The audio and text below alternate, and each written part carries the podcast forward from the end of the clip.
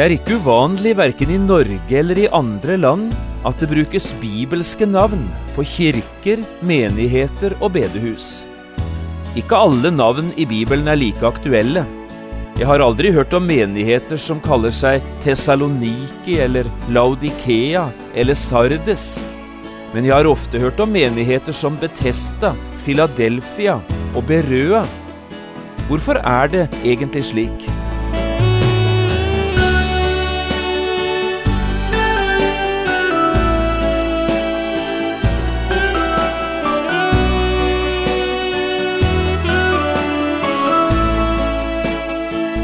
Hjertelig velkommen til et nytt program i serien Vindu mot livet.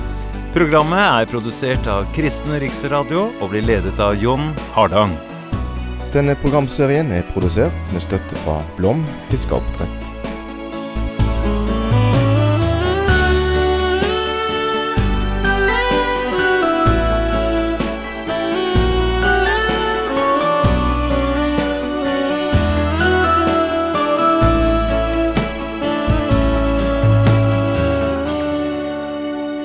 Vi skal også i dag fortsette denne bibelundervisningsserien som vi har kalt I Paulus' fotspor.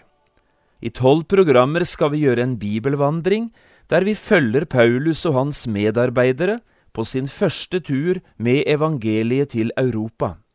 Denne historien finner vi gjengitt i apostlenes gjerninger i kapittel 16 til 18.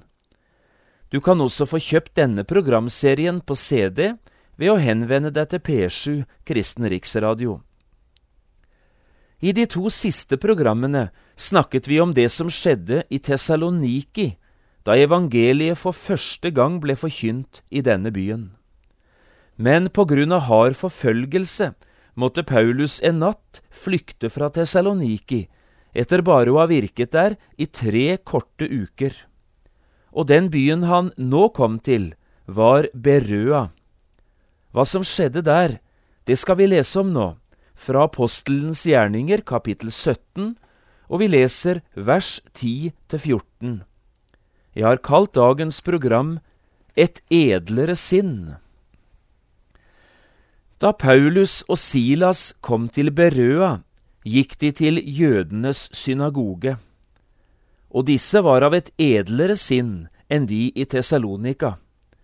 De tok imot ordet med all godvilje og gransket hver dag i Skriftene om det forholdt seg slik som det ble sagt.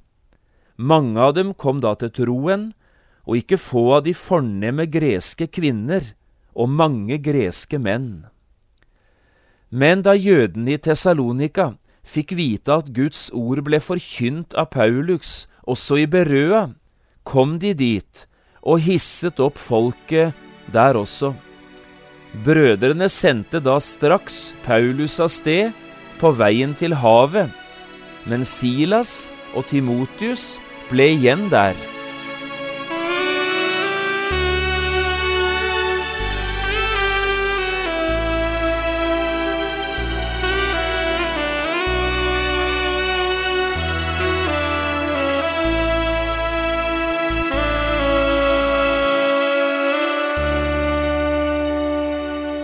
Det er ikke uvanlig verken i Norge eller i andre land at en har brukt bibelske navn på kirker, menigheter og bedehus.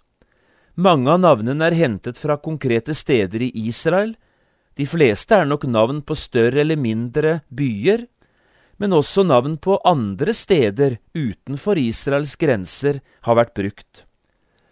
Noen av navnene kjenner vi best fra Det gamle testamentet.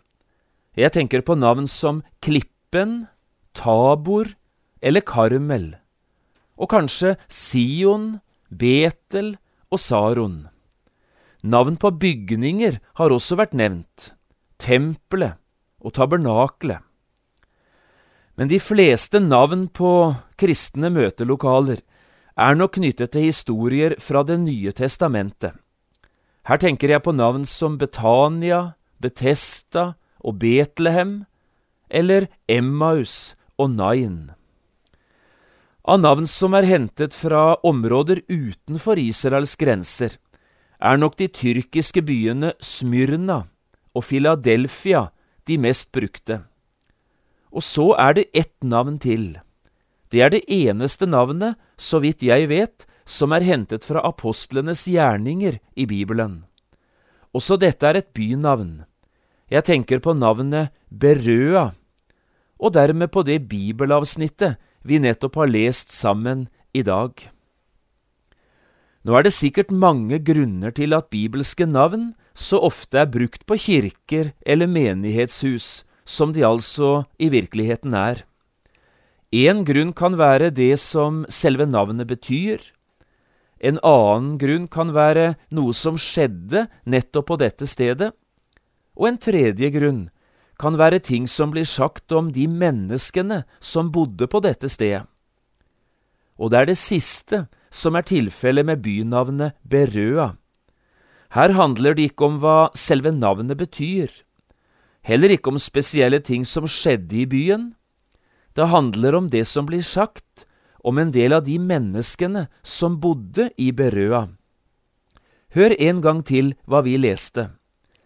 Disse var av et edlere sinn enn de i Tessalonika.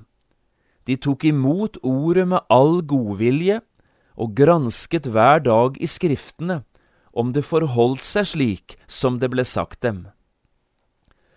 Du husker gjerne hvordan Paulus ble møtt da han kom til byen Tessaloniki.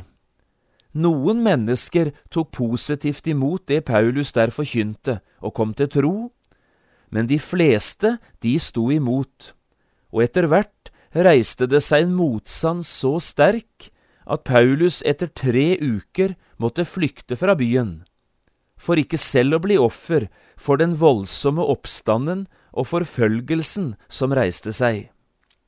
Men i Berøa, der var det helt annerledes. Der viste menneskene en helt annen godvilje og respekt, både for forkynneren og for det budskapet han forkynte. Det var helt annerledes i Berøa enn i Tessaloniki.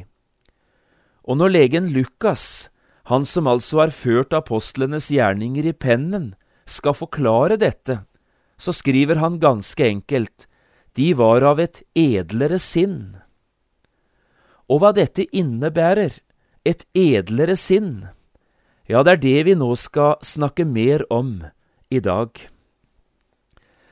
La meg likevel først få lov å si noen få ord om byen Berøa, både slik den ser ut i dag, men også hvordan den var på Paulus' tid. Berøa, eller Veria som den kalles i dag, hadde allerede eksistert som by i 400 år, før Paulus kom reisende dit som flyktning fra Tessaloniki. Byen hørte til i det gamle kongedømmet Makedonia, og på keiser Diokletians tid ble byen gjort til en av de to hovedstadene i den romerske provinsen Makedonia. På Paulus' tid fantes det en ganske stor jødisk koloni bosatt i Berøa, og dermed var det også en jødisk synagoge i byen. Dette var nok en av grunnene til at Paulus la veien også om denne byen. I dag er Berøa, eller Veria, en by på knappe 50 000 innbyggere. Den ligger et stykke inne i landet, innover mot en del høye fjell, noe som betyr at det er varmt om sommeren og kaldt om vinteren. Fremdeles finnes det et gammelt jødisk kvarter i Berøa, med en gammel jødisk synagoge liggende et stykke nede i en bakke. Men 300–400 meter unna denne synagogen ligger det stedet som kanskje i dag er mest interessant å besøke apostelen Paulus' alter, eller kanskje rettere sagt apostelen Paulus' talerstol. Dette ligger i et fint anlagt parkområde, med flere flotte mosaikker plassert på to store minnesmerker. Her kan vi se forskjellige motiver fra Paulus' andre misjonsreise.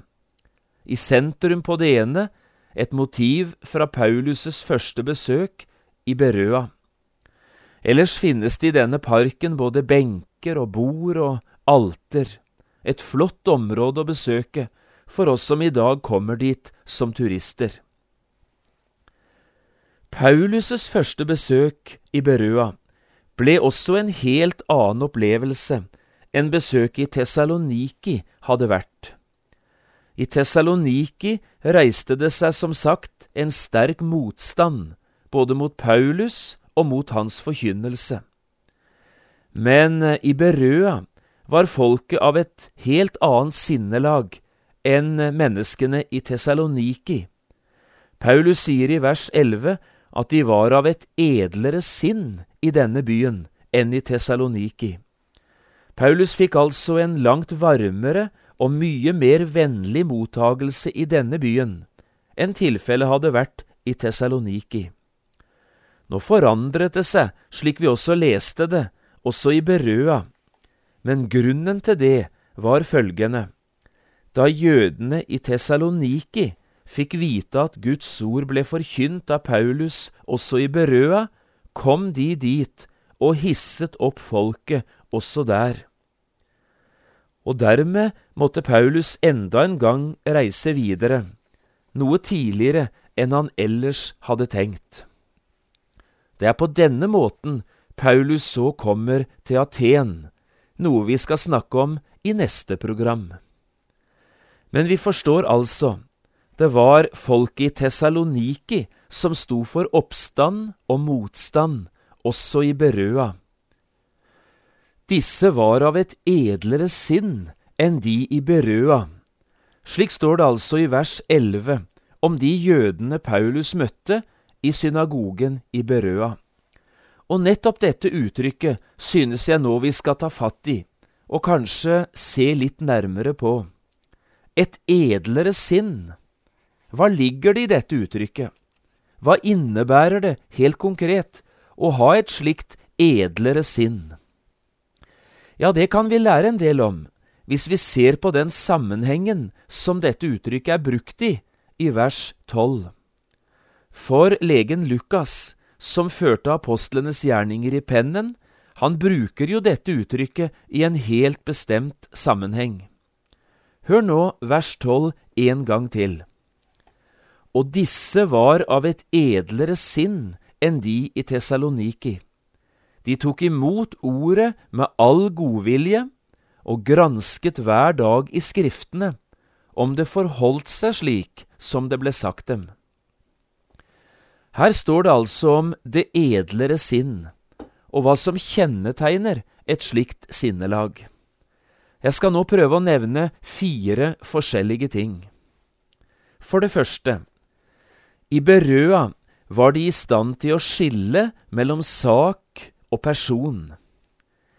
Det er faktisk en ganske vanskelig sak i mange slags sammenhenger, og ikke minst i kristne miljøer og menigheter, det å skille mellom sak og person.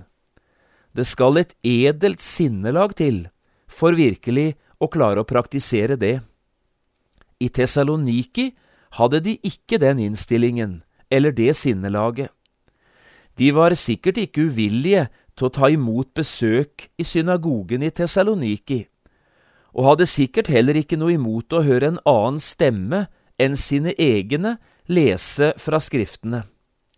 Men når de så fikk høre et budskap som de aldri hadde hørt før, og Skriftene utlagt på en måte som de ikke selv var vant til, ja, da kokte det helt over i Tessaloniki. Da mistet de likevekten, og i stedet for å imøtegå de nye lærdommene ut fra de hellige skriftene, prøvde de heller å komme unna budskapet ved å gå løs på han som var budbæreren. De tok mannen istedenfor ballen, for å bruke et uttrykk fra fotballspråket. I stedet for en saklig meningsutveksling satte de i gang med å trakassere og forfølge dem som hadde andre meninger enn de de selv hadde. Måten å takle uenighet på var å kneble den ene og selvsagt den svakeste parten i diskusjonen. Også i dag finnes det menighetssammenhenger som mangler dette edle sinnelaget som de hadde i Berøa. Totalitære menighetsfellesskap med sterke meninger og styrende ledere. Og kjennetegnene på slike fellesskap er som regel alltid de samme. Hør på dette. 1. Ingen andre kjenner sannheten enn vår menighet. 2. Det er forbudt å stille kritiske spørsmål, både lærespørsmål og spørsmål om lederskap og lederstil. 3. De som tenker annerledes enn lederskapet, blir alltid motsagt, motarbeidet, mistenkeliggjort og til slutt utstøtt. 4. Å være uenig med lederskapet er det samme som å stå Gud selv imot. Slik praktiseres det i disse totalitære menighetsfellesskapene, og det sier seg selv at det å være et uregelmessig verb i slike sammenhenger, det blir ofte en voldsom belastning, både for enkeltmennesker og hele familier. Paulus opplevde det i Tessaloniki, og det er mange som etter hans tid, også hos oss i Norge, har måttet oppleve det samme. Men det er altså utrolig viktig å skille mellom sak og person. For det andre, i Berøa tok de imot ordet med all godvilje. I Berøa hadde de altså en helt annen innstilling enn i Tessaloniki. De tok imot ordet med godvilje. Utgangspunktet deres var ikke angst eller frykt for alt som var nytt, heller ikke en sykelig mistenksomhet eller en i utgangspunktet negativ og kritisk innstilling til alt og alle, iallfall andre enn dem selv. Tvert imot, i Berøa hadde de den edle innstillingen. De tok imot den nye som ble båret fram, med all godvilje. Og det er dette Lukas kaller et edlere sinn. Åpenhet for Guds ord og en åpen innstilling til ordet om Jesus, det er noe av det som Bibelen verdsetter aller høyest. Saken er jo den at det er ved å ta imot ordet om Jesus at du tar imot Jesus selv. Det er bare ved å åpne seg for Guds ord at du åpner deg for Gud selv, og dermed for alt det som Gud kan gi et menneske, Guds liv, Guds fred, Guds kraft og Guds trøst. Alt dette kommer til deg gjennom denne ene kanalen, Guds ord. Det er derfor det er så viktig å være åpen for dette ordet. Hvordan stiller du deg, du som lytter nå, til Jesus? Hvilket forhold har du egentlig til Han, som kalles Guds sønn og verdens frelser? Ja, den eneste måten å finne det ut på, er å spørre, hvordan stiller jeg meg til budskapet om Jesus? Har jeg åpnet meg for ordet om Jesus? Har jeg tatt det til meg, og har jeg tatt konsekvensen av det i livet mitt? Dekker ordet om Jesus et behov hos meg? Har jeg rom for det i mitt hjerte? Eller hører jeg til dem som bare har tatt avstand fra det, vist det bort som noe jeg ikke har bruk for? Ja, det er i møte med slike spørsmål at forholdet til Jesus selv avgjøres. For forholdet jeg har til Jesus, er altså det samme som forholdet jeg har til ordet om Jesus. I Johannes 1,12 står det slik, Men alle dem som tok imot ham, dem ga han rett til å kalles Guds barn, dem som tror på hans navn. Den er altså et Guds barn som har tatt imot Jesus.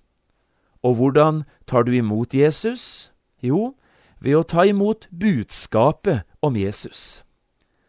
Dette er nok det viktigste kjennetegnet på et edlere sinn slik vi får høre om det i Berøa. De tok imot ordet med all godvilje. Og så det tredje. De gransket hver dag i Skriftene om det forholdt seg slik som det ble sagt. Og det var tilfellet i Berøa. De tok imot ordet med all godvilje. Slik har vi altså lest det i dag, om det edlere sinn. Men hvis det ikke hadde stått noe mer, da ville et edlere sinn være det samme som godtroenhet, eller det å være blåøyd og kanskje naiv.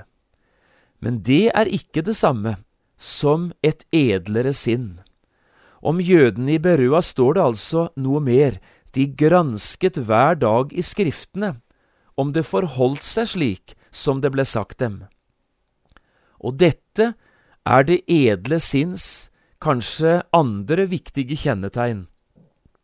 Avhengigheten av Guds ord, trangen etter å undersøke hva dette Guds ord sier, og så en sterk vilje til å bøye seg for dette ordet som eneste autoritet, også om det skulle gå imot deres egne ledere. For Skriftene, Guds levende og avsluttede ord, er jo den eneste virkelige autoritet i alle viktige spørsmål, både når det gjelder lære og liv. Dette gjaldt ikke bare den gang, i Berøa, det er akkurat på samme måten hos oss i dag. Det er Guds ord som må være eneste absolutte autoritet for den som vil være en sann kristen. Og da handler det altså ikke bare om å ha de riktige meningene, det handler også om viljen til å innrette seg etter Guds ord i sitt eget daglige og personlige kristenliv. Jeg sier det igjen, dette er det edlere sinns andre viktige kjennetegn. De gransket hver dag i Skriftene om det forholdt seg slik som det ble sagt dem. Hva med deg, du som hører dette? Hva slags sinnelag finnes det i deg? bærer du dette edlere sinn, som også preget jødene i Berøa, eller har du et annet sinnelag, mer lik det vi møtte i Tessaloniki? Dette spørsmålet synes jo jeg du skal ta med deg og prøve deg på etter programmet i dag. Det siste vi så leser om når det gjelder et edlere sinn, er litt om de fruktene som vokste fram fra denne innstillingen i Berøa. Du hørte hva vi leste, ikke sant? Mange av dem kom da til troen, og ikke få av de fornemme greske kvinner og mange greske menn. Der Guds ord blir sådd, vokser troen fram. Der ordet om Jesus kommer i sentrum, blir Jesus selv umistelig og dyrebar, både i menighetslivet og i menneskehjertene. Og jeg tenker, Gud gi at slike frukter finnes også i mitt kristenliv.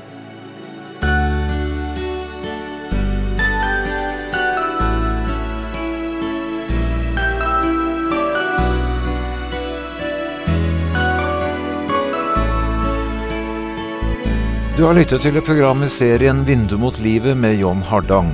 Programmene i denne serien kan også kjøpes på CD fra Kristen Riksradio, eller høres på internett på p7.no. Har du spørsmål eller kommentarer til det du nå har hørt, kan du ta kontakt med oss. Adressen er Kristen Riksradio, Skiene 2, 5353 Straume. Eller send en e-post vml alfakrøll p7.no. Takk for i dag, og på gjenhør.